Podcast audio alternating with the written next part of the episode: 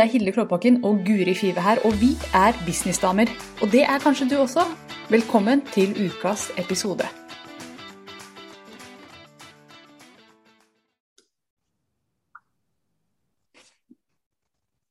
Hei og hjertelig velkommen til Businessdamer. I dag så skal vi prate om en følelse som mange gründere har delt med meg, og sikkert også med deg, Guri. Og det er den følelsen av um, å skamme seg litt over å ha lyst til å starte noe eget. Og velkommen til deg, forresten. Fint å se deg. Ja, takk, takk. Hei, hei. har du også hørt gründere delt dette, eller kjent på det selv? Ja, i hvert fall redselen har jeg hørt mye om. At man er redd. Mm. Det var vel det jeg kjente på.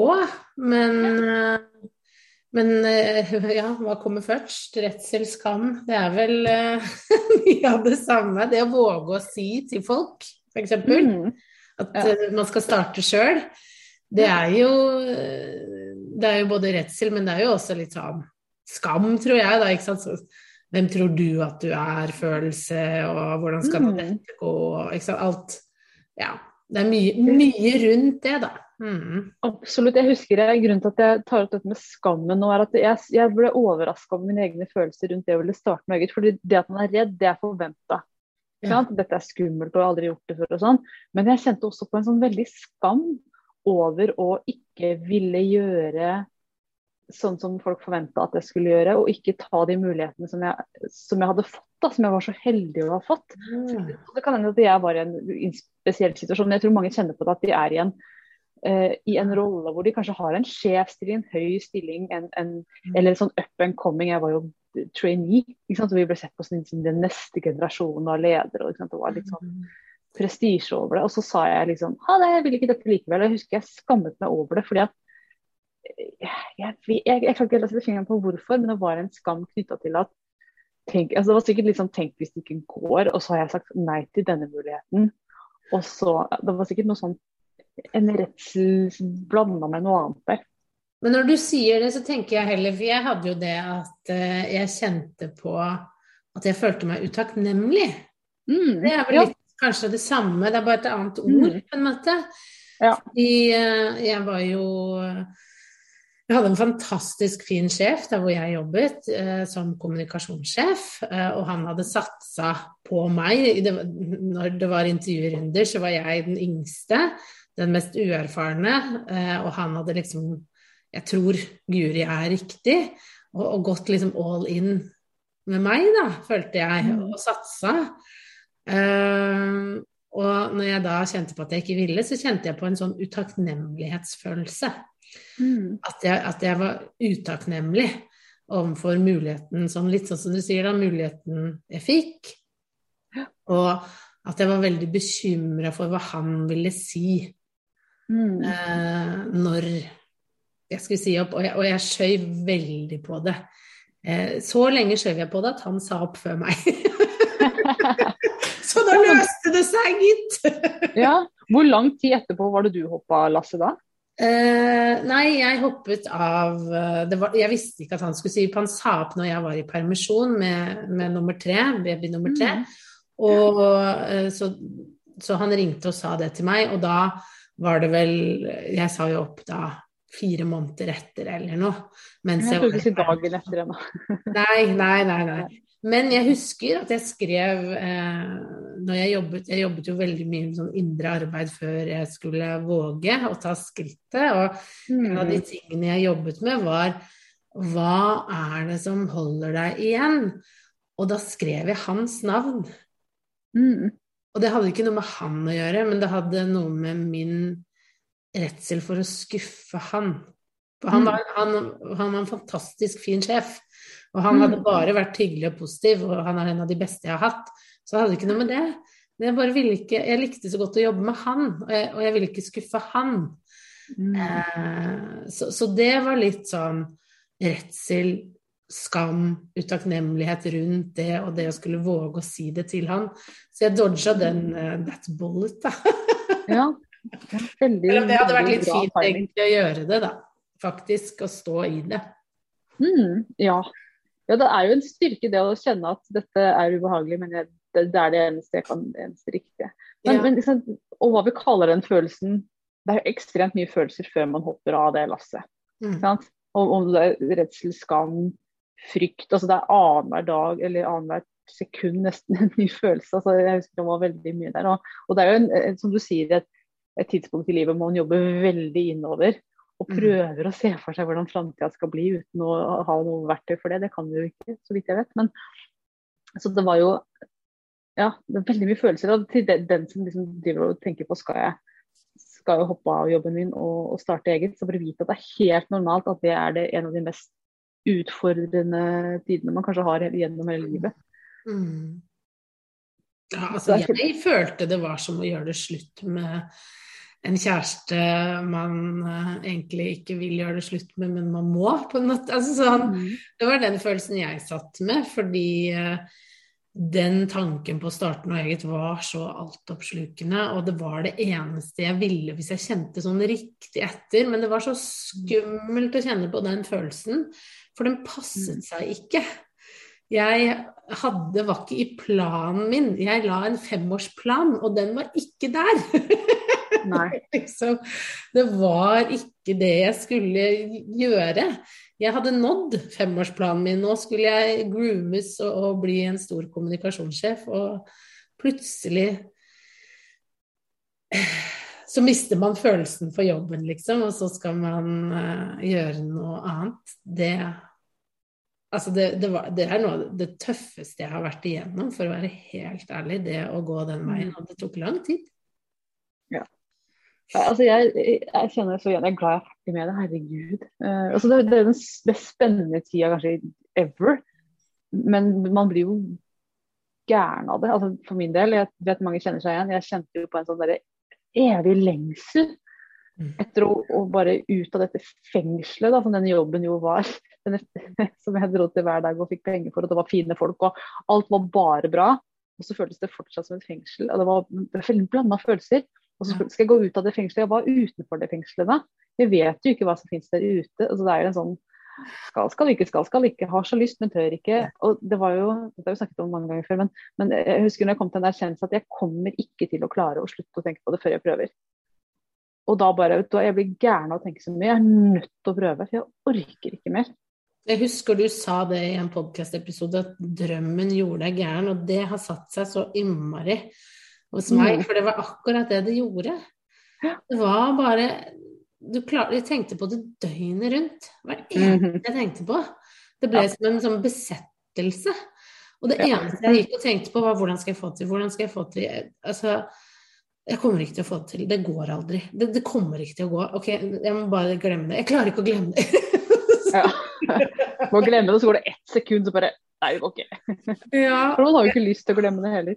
Nei, og jeg husker jeg gikk rundt med Magnus jeg, jeg, Senga mi står midt i rommet, så du kan gå rundt senga. Og jeg, da gikk jeg og byssa Magnus og få han til å sove. Og så gikk jeg og bare var kjempetrist. Altså Helt sånn deprimert trist. Bare se for deg Guri går, går og griner, liksom. Er så fortvila. For hva faen skal jeg gjøre? Hva skal jeg gjøre? Jeg vil noe som er helt umulig. Det var det mm. eneste jeg tenkte. Jeg vil noe som ikke går. Jeg aner ikke hvordan jeg skal gjøre det. Og bare den mm. følelsen Jeg begynner nesten å gråte når jeg kjenner tilbake på den følelsen, for det var så fortvilende å gå mm. rundt og bysse og bare Jeg veit ikke. Jeg får det ikke til. Det går ikke. Jeg vil ikke tilbake. Hva skal jeg gjøre? sånn var det. Oh, yes. Ja, men det, jeg, jeg, jeg, har aldri hatt noen baby å bysse på, men jeg husker jeg kjente den følelsen veldig. Altså, for meg så var det sånn jeg hadde en slags tønne inni brystet. Eh, et billedlig tønne, den var nok ikke der, men det kjentes som det var noe inni. Og inni der satt en ekte meg. Og hun var så sint. Og hun sparka og hun slo, og hun hadde businessdameklær og høye hæler og klorte meg på innsida og ville ut. Og jeg husker jeg tegnet et bilde av det, og liksom, for jeg bare må på en måte få, få uttrykt det på et vis. Og, og, hun visste så innmari godt hva hun skulle gjøre når hun kom ut og alt. Men så slapp jeg henne ikke ut. Og jeg husker det, det, det er veldig gøy, for jeg husker det øyeblikket jeg bestemte meg for at jeg skal starte meg selv. Husker det akkurat det øyeblikket. At foten min liksom Jeg husker jeg Hadde vært på toalettet, gikk over dørstokken ut i gangen der jeg jobba. Og akkurat idet foten min traff teppegulvet, så bare kom verden rasende mot meg. Jeg bare tok den avgjørelsen da. Og alt endra seg.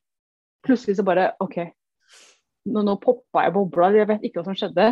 Men det var et eller annet som skjedde inni hjernen min. Og så gikk jeg rett bort og booka en coachingtime Ja. eh, med en dude som jeg aldri hadde vært til før. Aldri vært til coaching, visste ikke hva coaching var. Litt skeptisk. Har det noe med å eh, Ikke sant. Dette var litt movie for meg. Ja, ja. Og jeg, jeg bare husker at da, da, da Det var som å liksom poppe en byll. Mm. Og så gikk det altså akkurat ni måneder. Det er litt gøy. Akkurat ni måneder fra jeg bestemte meg til, til jeg slutta. ja. Og ikke samtidig jeg tenkte nå skal det gå ni måneder, men jeg bare så tilbake. Det var ni måneder mellom avgjørelsen og, og, og oppsigelsen. Oppsigelsesdagen. Så um, ja, det er noe i det der. Det er det. Så jeg måtte- gikk kanskje litt sånn dytta likevel. to, to eh, graviditeter før jeg turte. Ja, ja Sånn sant? det er, ja.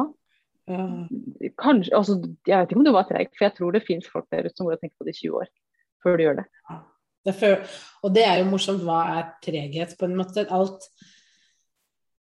det er, Vi er jo igjennom en prosess. Og den prosessen tar ulik tid for hver enkelt. Og jeg tror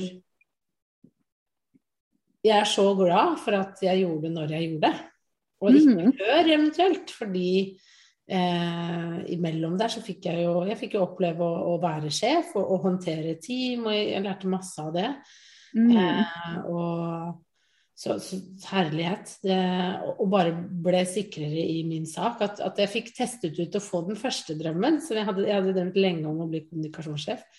Og fikk den, og fant ut at OK, nå har du den. Den smakte ikke så godt som du hadde trodd. Hva er det du Mm. egentlig vil? Ja, og dette her. Er kjempespennende, fordi eh, jeg tror ikke at jeg hadde gjort det på denne måten i det hele tatt hvis jeg Nå begynner en litt annen uh, ende av historie her. Første jobben jeg fikk etter eh, utdannelsen var liksom en sånn drømmejobb. Rett inn i storavdeling, rett inn på sosiale medier-delen der. Rett inn på bare holy shit, skal man ha en jobb, så er det dette jeg vil ha. Og så trivdes jeg der en stund, og så fant jeg ut at det smakte ikke så godt som du sier. ikke sant? Og jeg tenker oh my god, nå er jeg i drømmejobben, jeg trives ikke den engang. Mm. Det er bare én vei nå, jeg må starte noe eget. Men hvis jeg hadde fått en liksom halvgod jobb, så hadde neste steg vært å jeg må få den drømmejobben først. Mm. Det hadde sikkert tatt, tatt mye lengre tid hvis jeg ikke hadde kommet rett dit. For det å liksom få ting ut av systemet er også en, et Mm. aspekt her. Å prøve ut, prøve ting. Jeg tror ikke den første tingen hadde, Hvis jeg hadde trivdes i en sånn kjedelig jobb, så hadde det første jeg hadde tenkt på at jeg må få en bedre jobb. Ikke Mm. jeg må slutte å starte eget Mm. fortere av den grunn. Men det er også Ja. derfor jeg kjente på den skammen. Da, fordi herregud, nå sitter jeg i en sånn skikkelig Dette er det de rundt meg drømmer om. Jeg forteller hva jeg driver med, så sier folk å herregud, du er så heldig. Ja. Og så vil jeg ikke. Nei. Det er jo bare Hæ? Og ikke sant, dette her var Jeg husker dette her var akkurat på den bikken da millennial-generasjonen, dessertgenerasjonen, virkelig kom og tok over. Jeg husker vi snakka om det i trainee-gruppa, altså at vårt kull, vi var kull 13. Så husker jeg det var noen som sa at det er kull 14, der føler jeg at der har dessertgenerasjonen virkelig tatt over. At det var en gjeng med sånn entitled drittunger. Og at vi var de som jobba hardt. Mens den gjengen etter, der hadde liksom, nå har det kicka inn den, eh, den myten, da. Og det er, det er bare en myte. ikke sant? Det var bare en myte, men jeg husker det ble sagt. Og så kjente jeg oi, shit, jeg hører visst til i det andre kullet. For jeg er jo en av de som Jeg følte meg entitled. Mm. Eh, Hva slags ord er det? Utakknemlig. Bedre enn. Bedre enn, ja. Mm. Ja, jeg vet ikke. Berettiget, tenkte jeg på. Berettiget. Ja. Litt som Ja, jeg, det, var, det var der skammen kom fra. Nå, nå klarte jeg å sette ord på det. Ja. Skammen kom fra at jeg følte at jeg ja, var en drittunge. Bortskjemt drittunge som sa nei takk til den jobben. Ja. Mm, så, Men det ene er jo den skammen som er når man, eh, når man begynner og man vurderer å begynne. Men hvordan liksom, ser man skammen nå, man, etter man har holdt på en stund? Har du noe, er det noen måte du ser den på, eller blant dine kunder og deg selv, hva er det som dukker opp? det er mye det samme. Ja.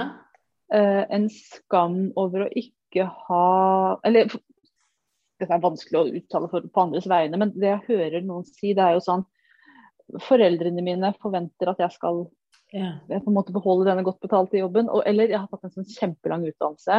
Foreldrene mine har vært med på å støtte meg økonomisk gjennom den. Mm. Eh, det er en typisk en. Så jeg syns ikke at jeg kan Tenk hvis jeg slutter nå og prøver å, å, å bli eh, coach i mm. stedet, mm. så går ikke det. Så jeg har kasta bort mm. utdannelsen min. Så er det kanskje litt skam hvis man ikke klarer å tjene nok, mm. ikke sant? Fordi det er jo en skam ja, ja. det å tørre å innrømme at man, man, vil, at man skal gjøre noe annet. Og så er det jo den skammen knyttet til at man eh, går ut til foreldre og venner og står i det og sier at man skal starte eget.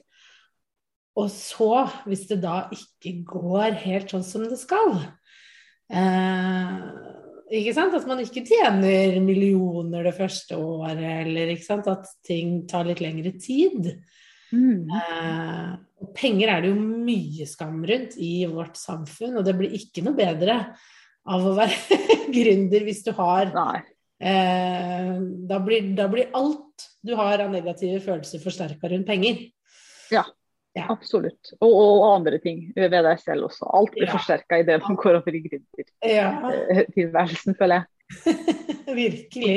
Ja, og det er jo det, Da blir man virkelig kastet på. Nå må man rydde opp i ja. gammelt grums av det ene og det andre og det tredje. Og det ser jo vi som mm. jobber med mange nystarta, hvor mye som dukker opp som man har kunnet leve med eller dytte under overflaten som arbeidstaker, men som kommer med full kraft i det man skal starte noe eget. Og det er jo fordi at man gjenoppfinner seg selv og er mm. nødt til å rett og slett være sitt absolutt aller beste. Og da kan man ikke ha med seg gammelt grums. Det kommer opp, og det er jo heavy for mange. Mm. Um, personlig har jeg jo seilt gjennom livet på en uh, krempuff, føler jeg. Mens andre, det kommer opp gamle issues med altså fra barndommen og, og mobbing kommer ofte opp. Og problemer med foreldre. Og det kommer så mye. Mm. Så um, jeg tenkte på det, jeg fikk litt sånn Her i helgen så, så, så kjente jeg plutselig på eh, en sånn skamfølelse rundt det jeg gjør. Og det var knyttet til at hvis mine gamle eh, journalistvenner Altså folk jeg studerte med, som egentlig ikke jeg var gode venner med, men som jeg bare gikk på skole med, og som mm. i dag er hotshots innenfor TV 2, VG, alle de store, liksom. Mm. Hvis de ser hva jeg nå gjør, det mm. gjør at jeg kjenner på en skam. Oi, hva er det som vekker den? Nei, fordi at jeg gikk på den beste journalisthøgskolen, jeg kom inn i Aftenposten. Mm. Det var masse for Jeg hadde forventninger til meg selv. Jeg ser at de går i gang og gjør sin greie. Eh, at de, de, gjør det som var planen, da. Eh, mm. Og så er jeg bare sånn Tenk om de sitter og ser på at jeg legger ut sånne livesendinger. det slo meg i helgen. Jeg har ikke tenkt på de før. Før så har det vært liksom venner, bekjente, familie. Og jeg har kommet over den kneika. Men plutselig mm. kom den skammen der med full fart inn. Og bare tenk om de samles på sånn reunion, og så sitter de og Veldig selvsentrert. Men mm. poenget er at den, den, kan dukke opp hele tiden. Da. Og det var bare mm. veldig interessant å observere at den kom. Fordi jeg trodde jeg var ferdig med det. Men sannelig så kom det et nytt aspekt. Mm. Eh, ikke sant? Og neste gang kan det være eh, en annen gammel jobb eller noen andre bekjente. Fordi det er alltid Man er aldri helt sånn ferdig, i hvert fall ikke jeg, da. Man har jo gått gjennom et helt liv og opplevd mye. Men mm det var bare sånn Å, herregud, de har jeg ikke tenkt på. Jeg har ikke skammet meg nok over den. Må vi skamme oss litt? Nei, må passe på å få skamma oss ut derover. Og det, er jo, det er jo så interessant, det der. Også er alle de der så Jeg sitter og skriver lister over folk jeg bare håper for guds skyld ikke ser hva jeg gjør. Og så, altså, jeg har jobba veldig mye med hvem er det jeg egentlig er redd. I, i, ja. i, forbindelse med synlighet. Ikke nå lenger, men jeg, jeg husker jeg satt der og skrev liksom brev til alle. Som, bare for å få det ut av systemet. Eh, og det virker jo egentlig ikke så veldig godt. Fordi at eh, man egentlig bare virvler opp den skammen. Og det eneste som funker, er å ignorere det og gå videre. jeg har lært nå, men jeg har mange brev til liksom Kjære onkel, Håper du ikke hater det jeg gjør. Jo, men det som jeg syns var fascinerende med at den kom seilende nå i helgen, det var at Altså, det var nesten som at jeg har, jeg har jo jobba meg gjennom det med sant, mamma og pappa, med venner, med bekjente, med de største sladrehankene der hvor jeg kommer fra, eh, folk på ungdomsskolen. Liksom, alle disse sånn tilsynelatende Jeg følte jeg hadde så kontroll. Mm. Så kom det noen jeg hadde glemt å bekymre meg for. Og det er fantastisk. Det er fantastisk! Og det var veldig interessant at den kom eh, seilende. Og da er det jo et eller annet med, ikke sant. Den skammen rundt det kan fort gjøre at også jeg, som har holdt mange livesendinger nå, stopper å gjøre. Mm. Fordi jeg kan plutselig bli veldig selvbevisst. Mm. Ja. Og det er jo noe, noe å være klar over, og, og også tenke litt igjen når, når det dukker opp. Alle, alle, har det, da. Bare sånn at det er sagt. Vi har alle det. Vi har ting eh, vi kan skamme oss over og eh, være bekymra for og redd for at noen skal se og alt disse type tingene her. Men hvis vi, det jo, hvis vi lar det ta kontroll, da, det er jo det man, det, det man må jobbe med. At man ikke lar mm. det ta overhånd og stoppe en. Fordi mm. jeg har kommet for langt nå hvis jeg plutselig nå etter to år skal stoppe fordi jeg kom på personer som jeg har glemt å skamme meg og være redd for. ah, ja, det hadde vært fantastisk. Men jeg tror det er veldig godt for folk der ute å høre at dette er helt normalt. Og en annen ting ved det, det er jo at veldig mange av de som, som jeg har skrevet, skrevet fiktive brev til, jeg sendte de aldri, by the way, det er jo folk som jeg så godt kunne ha skrevet i brevet Hei på deg, så kult at du er innom og sjekker hva jeg gjør. Jeg kunne like så godt ha skrevet det. Ja. Uh, så, så, jeg er stolt av det jeg holder på med her. Tenk at jeg får tjene penger på å drive med mine ablegøyer. Er ikke det artig? Mm. ja. og så er det jo Så det går an å ta et annet perspektiv på det. Så, og det merker jeg nå at over tid så gjør jeg mye mer av det. Så før så var det sånn, det har vi snakket om før, men, men hvis noen jeg kjente kom og liksom likte livesendinga så var det sånn oh, det horror ja. Mens nå er det mer en sånn Hæ, er du innom og sjekker? Så gøy. Ja. Moro at du bare titter innom eh, min eh, livesending om mindset rundt business, liksom. Ja, ja, ja.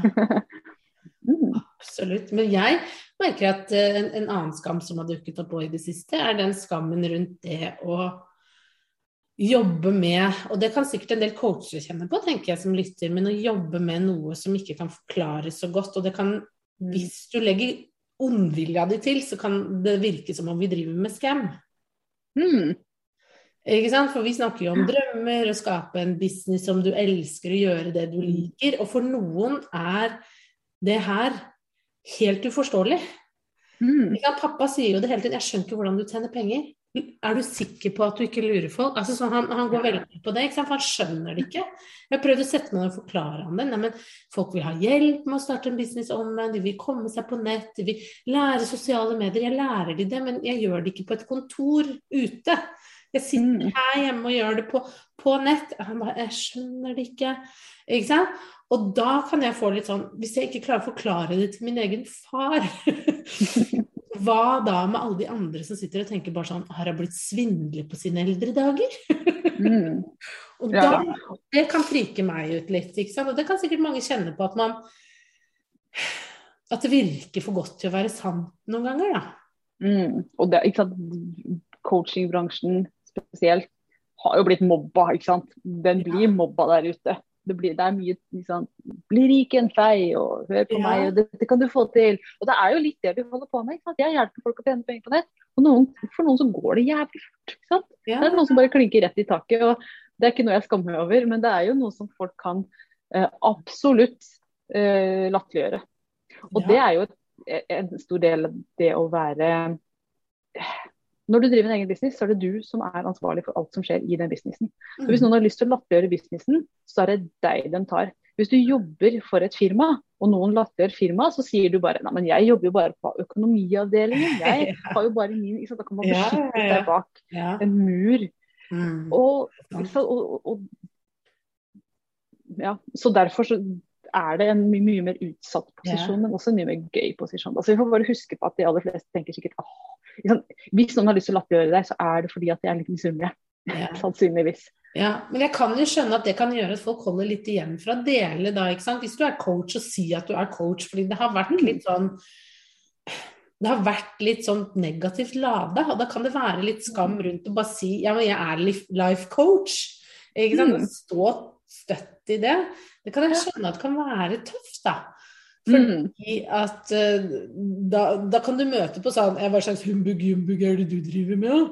Mm. Ja, fra folk. Eller, det er det ingen som sier hvis du driver og støper betongfundamenter. ikke sant? Det skjønner folk hva er og hva skal ja. brukes til, men coaching kan man latterliggjøre. Ikke sant. Så mm. hvis du kjenner på det, så bare vit at ok, det blir jo ikke noe bedre av at du stopper at du holder igjen. Hvis du gjør det litt sånn halvveis, for det har jeg tenkt på. Mm. Jeg kan gå inn i det og, og, og gi litt, men ikke alt. Men hvis jeg gir litt, så vil jo folk fremdeles kunne le og ha mening om litt. Da bør jeg heller mm. bare eie det helt, og så stå trygt i det. Og hvis folk da ler, så, så, så gjør de det av det, på en måte. Og så må jeg bare takle det indre arbeidet og det å stå trygt i meg selv og det å takle den skam For det er jo mine følelser. Jeg vet jo mm. egentlig ikke hva de andre føler, men det er jo min tanke om mine følelser som kommer til spill her. Mm. Absolutt. Det er projisering på høyt nivå, er det ikke det det heter? Men, og en ting dette er egentlig en egen podkastepisode i seg selv, men, men, det er akkurat det der med hvis man går ut og skal gjøre noe halvveis, mm. så blir det jævlig awkward. Men hvis du går ut og gjør det helt 100 dette, Jeg digger det, dette elever og andre, så mm. blir det veldig elegant. Og det er akkurat som å se noen som går ut på dansegulv, har du sett det? Så har de egentlig ikke lyst til å danse, men de er nå der likevel. Og det blir jævlig awkward. Men så er det den som Ja, ikke sant? Dere skjønner hva jeg mener nå? Men den som går ut der og bare er helt disco. Det blir kjempekult, og kanskje ser man latterlig ut, men, men, det blir gøy å se på likevel. Og det, og det har en helt annen energi. Og den mm. der awkward-energien, den tiltrekker ikke kunder. altså Det kan jeg love deg. Kunder blir bare 'å, herregud'. Jeg blir flau av å se på henne som går all inn. Ja. Uh, mens jeg vil heller være med hun som bare går på med glitter og disko og kjører full pupp, som det heter. Ja, jeg, mm. jeg er enig. Nei, men uh, det syns jeg var en god uh, avslutning på denne episoden her. Gå ja, det var det. Jeg er veldig stolt over det. Kupp, sier vi.